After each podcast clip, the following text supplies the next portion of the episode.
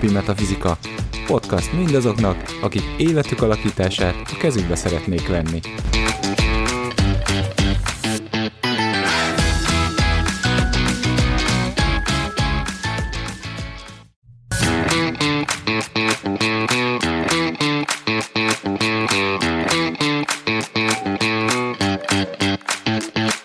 Mindennapi Metafizika. Podcast mindazoknak, akik életük alakítását a kezükbe szeretnék venni.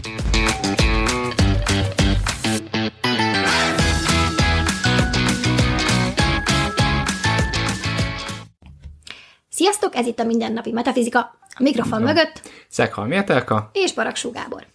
Az első igazán tartalmi részünkben tényleg a gyakorlati metafizikáról fogunk beszélgetni egy kicsit, és arról, hogy mihez kezdjünk ezzel a tudással a hétköznapokban, és hogy mi is ez a tudás pontosan. Mivel most egy nagyon specifikus tématerületről beszélünk, a metafizikáról, ugye, amit említettünk már korábban, hogy nekünk ez most a négy pilléres sorsfejtést, kimenduncsiát, illetve egy kicsit a feng shui-t, a I Ching-et, ezt a, ezt a kört érinti, illetve hát az én személyes kedvencemet, amit ugye az előző adásban ugye nem mondtunk el, de a megfelelő időzítés művészete az egy, egy külön szakág, külön szakma, ha így mondhatjuk. És hogy mit jelent ennek a tudása? Ugye mindegyik rendszer egy picit mással való. És ha már így ez szóba került, akkor Gábor, te elmondod néhány szóban, hogy te mire használod ezeket? Vagy hát van-e preferált ilyen terület, hogy melyiket mire használod? preferált. A bázit ezt úgy használom, hogy mik a lehetőségeim. Egyrészt uh-huh. élet szempontjából, tehát erre az, erre az életre nekem mi jutott. Uh-huh. Mik azok a lehetőségek, amik, amiket jól tudok használni, és azt hogyan lehetne. Ugye a különböző életterületeken, ugye a négy pillérnek mindegyik ágán megnézve, illetve ugye majd a szerencseperiódus, ugye erről is nagyon-nagyon izgalmas témakör, hogy mi, mik jönnek az adott években felém. Ezt elsősorban így használom. A csimenduncsát azt szeretem úgy használni, hogy van egy specifikus kérdésem, és annak a megválaszolására, hogy valamit milyen stratégiával, uh-huh. hogyan építsem föl, hogyan tudom azt a valamit elérni, ahogyha szeretném, illetve, hogyha most, ahol éppen vagyok, akkor, hogy mi, mi lesz annak az eredménye, hogyha ezen az, ezen az úton, ezen haladok tovább, akkor hova fog ez az egész vezetni. A Feng Shui-t, mint területet, azt sokkal kevésbé használom, illetve a, a Yiting azt akkor használom, amikor úgy érzem, hogy egy, egyfajta isteni segítségnyújtásra van szükségem, amikor azt mondom, hogy most, most, most így nagyon kéne, hogy valaki megmondja, hogy ebből mi lehet. Uh-huh. Olyankor szoktam elővenni, hogy mire lenne éppen az adott pillanatban szükségem. Uh-huh. Akkor. És az időzítés? Az időzítés, de ahogy említetted is, erről tényleg órákat lehetne beszélni, de hogy igazából ugye arról szól a dolog, hogy elvégezhetjük a megfelelő tevékenységet, de ha nem megfelelő időben végezzük, annak az eredménye mégsem lesz jó.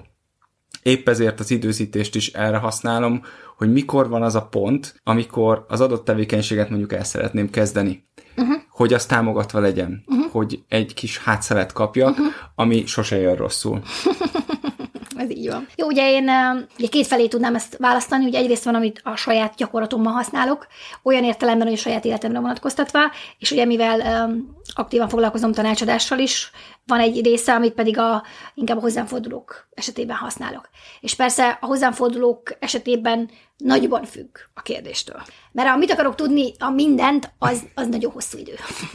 és kaptam már ilyen megkeresést, és, és hogy nyilván ennek vannak ilyen olyan parelek, hogy mi az, mik azok a tipikus területek, amiket érdemes ilyenkor áttekinteni. És ezek, ezek a tipikus területek egyébként olyanok, amiket az ember, amikor elkezd foglalkozni ezekkel a rendszerekkel, saját magára nézve is áttekint. Ugye nem említettünk egy rendszert, egyre több rendszer maradt ki, az ötelemes életvezetést, ugye, vagy fantázia nevén a gombóckás ábrát, amivel szintén mind a ketten foglalkozunk. Igen. Csak az annyira természetes mind a kettőnk számára, hogy eszünkbe se jutott. Nem, meg hát a legtöbb dolognak az alapja is. Így van, tehát ötelem nélkül igazából talán a I Ching még megáll. Igen. De az összes többi nem.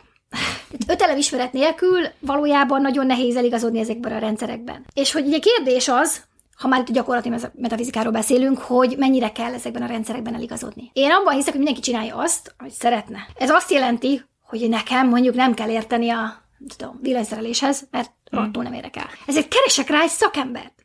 És ha valaki más ugyanígy van ezzel, mondjuk a metafizika területén, akkor keressetek egy szakembert, aki tud ebben nektek segíteni. Nem nektek kell kitanulni a rendszert, és megértenének a mélységeit, ami minket ugye Gáborra rendkívül foglalkoztat, és, és órákat tudtunk erről beszélgetni, hogy igen, és látod azt az állás, úristen, az mekkora király volt.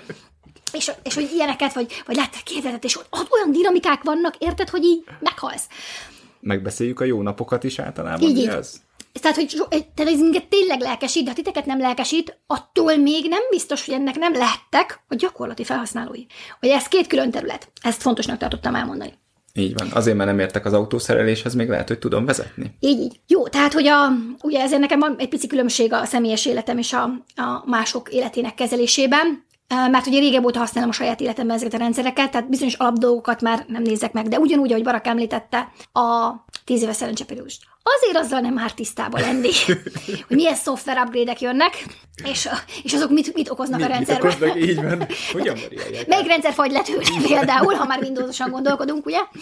És melyik funkcionalitásnak pedig javulnak a, a dolgai. Ami a Cement illetén is inkább forkasztolásra használom, tehát előrejelzésre, bár engem ugye nagyon leköt a Destiny része. És minél többet tanulok, a, amúgy a, a Destiny része az gyakorlatilag a születési képlet, minél többet tanulok erről, annál lenyűgözőbbé válik, hogy milyen sokoldalúan alkalmazható ez a rendszer. Természetesen nekem így alapszinten azok tetszenek benne, van, nyilván van minő, alapminőség, meg beállítódás, meg ezeket áttekintjük, de hogy utána meg lehet azt is mondani belőle, hogy például mik a tipikusan előforduló blokkok. Mi a belső monológ, ami mindig folyik, és amivel etetjük magunkat? Mitől félünk? Tehát, hogy nagyon sokféleképpen meg lehet ezt közelíteni. Hogyan töltődünk? Mitől érezzük magunkat boldognak? Tehát nagyon-nagyon sok mindent meg lehet belőle mondani, és meg lehet mondani azt is, hogy ezeket a területeket hogyan blokkoljuk. Így van. Én például ezt a dolgot nem is mondtam, mert számomra ez annyira természetes volt, ugye a saját képletben is az ember kinyitja, megnézi, és ugye, hogy mik azok a tudat alatti dolgok, ahogyan működök. Fantasztikus, hogy hányszor beszéltük meg ezt a dolgot, hogy így ránézünk, és hogy ja, nem is vagyunk olyan bonyolultak, pedig azt hisszük. Igen, és hogy ez nagyon elképesztő tud lenni, olyas valaki számára is, aki nem foglalkozik metafizikával, nekem szoktak olyan konzultációm lenni. Ugye most is volt egy, hogy mondta a hölgy, hogy hát igazából egy picit szkeptikus volt ezzel kapcsolatban, de hogy megdöbbentően pontos volt az ő leírása, vagy hogy mondjam, az ő értelmezése, illetve azok a problémák, vagy lehetőségek, amik az ő életében megjelennek. És ez pont ezért van, amit ott te mondtál az imént, Barak, hogy az ember alapműködése ebből megmondható. Megmondható az, hogy hova tér vissza a működésünk, ha csak tudatosan nem írtuk fölül. És ebből adódik az is, amit mondtál, hogyha tudom, hogy mik a tipikus helyzetek, ahol elcsúszik, akkor meg tudom oldani. Mert tudatosság nélkül valójában semmi nincs. És ugye megint rengeteg rendszerről beszéltünk, és akkor azért téged kérdezlek, Barak, mert tudom, hogy te megküzdöttél ezzel. Mi alapján választottad te ki például azt, hogy az egyes rendszerekből te mit használsz? Az alapján választottam ki, hogy mi az, ami érdekel éppen akkor, abban az időszakban. Tehát előfordult ugye, hogy problémát akartam megoldani, uh-huh. például az egy, az egy nagyon fontos dolog tudott lenni, elakadtam, úgy éreztem, hogy nem tud menne van előre. Általában tudtam, hogy hova szeretnék kiukadni, na de hogyan? Hogyan jussak el oda? Ugye erre használom ugye a Csimennél a forkasztolást.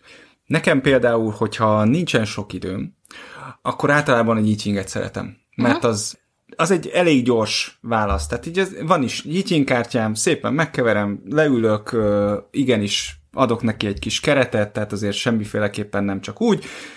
Kiválasztok egy kártyát, és megnézem. És a- akkor rögtön megvan abból egy gyors válasz, nem mindig van az embernek ideje ugye csíment forkasztolni, vagy ilyesmit. Amikor pedig sok időm van, és uh, igazán érdekel, hogy én hogy működöm, és nagyon-nagyon szeretném ugye jobban megírteni magamat, akkor leülök és a bácival foglalkozom.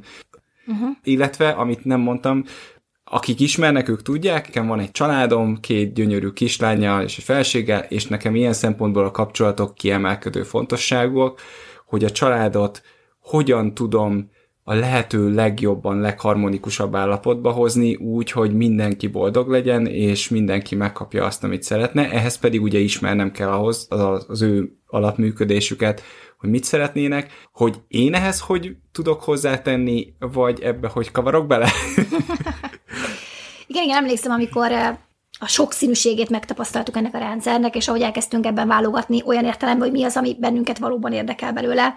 És hogy emlékszem, hogy neked a gyereknevelés volt az egyik olyan téma, ami, ami rendkívül megmozgatott téged, hiszen van két gyereked, ami ha már megvan ez a módszered, akkor akár terelgetheted is őket ennek mentén. és pont az, hogy hogyan adhatom meg nekik azt a legjobban, hogy megélhessék önmagukat. Ugye ezt beszélgettük, hogy ez mind a kettőnknél egy központi téma, hogy önmagunkat a lehető legjobban, legteljesebben megélni, Ugye ennek az egyik módszere az, hogyha nem nyomom el, és ha már a szüleim is ezt támogatják, akkor onnantól kezdve sokkal könnyebb lesz tudni, hogy valójában mit szeretnék az életben az élettől, és én is csak azt szeretném a lányaimnak kívánni, hogy minél boldogabbak legyenek, én magam is ezt szeretném, ők is azok legyenek, ehhez pedig a lehető legnagyobb segítséget és támogatást próbálom nekik megadni, például ezennek módszerek segítségével. Jó, tehát szerintem ez a gyereknevelés ez egy nagyon fontos kérdéskör, olyan értelemben, hogy ezzel szerintem nagyon sok szülő küzd. Hogy mi a legjobb a gyerekemnek. Mert ő egy különálló emberi lény, és hogy megpróbálni jó szülőként nem ráerőltetni a saját gondolataimat, be nem teljesült vágyaimat a gyerekre, az nem egy könnyű feladat. És tegyük fel, hogy ezt képes vagyok megtenni, de attól, hogy képes vagyok önmagamat visszafogni ebben, nem biztos, hogy tudom, hogy neki mi a jó. És hogy ebben szerintem elképesztően jó ez a rendszer, hogy jó akkor megmondja, hogy ezek a gyereknek az erőssége, ezek az elcsúszási területek, ezeket érdemes fejleszteni, pozitív irányba, úgy értem, hogy jobbá tenni, megjavítani idézőjelben, és ezeket pedig följebb emelni, magasabb szintre hozni, mert a képességeink akkor válnak élővé, amikor ugye kimondtakoztatjuk őket. Engem ugye természetesen nő vagyok, hm? a kapcsolatok az egyik ilyen terület, ami végtelenül leköt, és hogy ez sokszor csak párkapcsolati minőségként éljük meg, de valójában ez ennél sokkal-sokkal mélyebb. Mert hogy a baráti kapcsolataink, vagy ha van mesterünk, a mesterünkkel való kapcsolat, vagy nem is kell, hogy mester legyen, de hogy bárki, aki mentorunk, akire felnézünk, vagy akár még egy üzlettársról is beszélhetünk. De másik kicsit sarkosabb terület a szüleinkkel való kapcsolat. Abban is van azért lehetőség.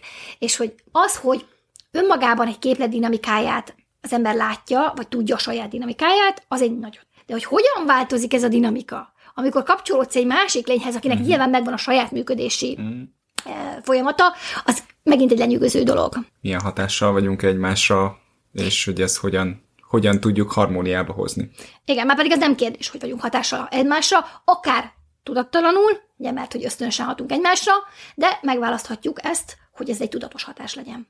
Igazából ennyit szántunk így az alásra, egy picit belemenni és elkezdeni feltérképezni, hogy mi minden van ezen a területen, és mi minden olyan dolog van, amin érdemes elgondolkodni, amikor az ember neki fog egy ilyen dolognak. Illetve, hogy mi mindenben kérhetitek a tanácsunkat, hogyha éppen úgy érzitek, hogy elakadtatok, és segítségre van szükségetek. Köszönjük, hogy velünk voltatok, és akkor találkozunk a következő részben. Sziasztok! Sziasztok!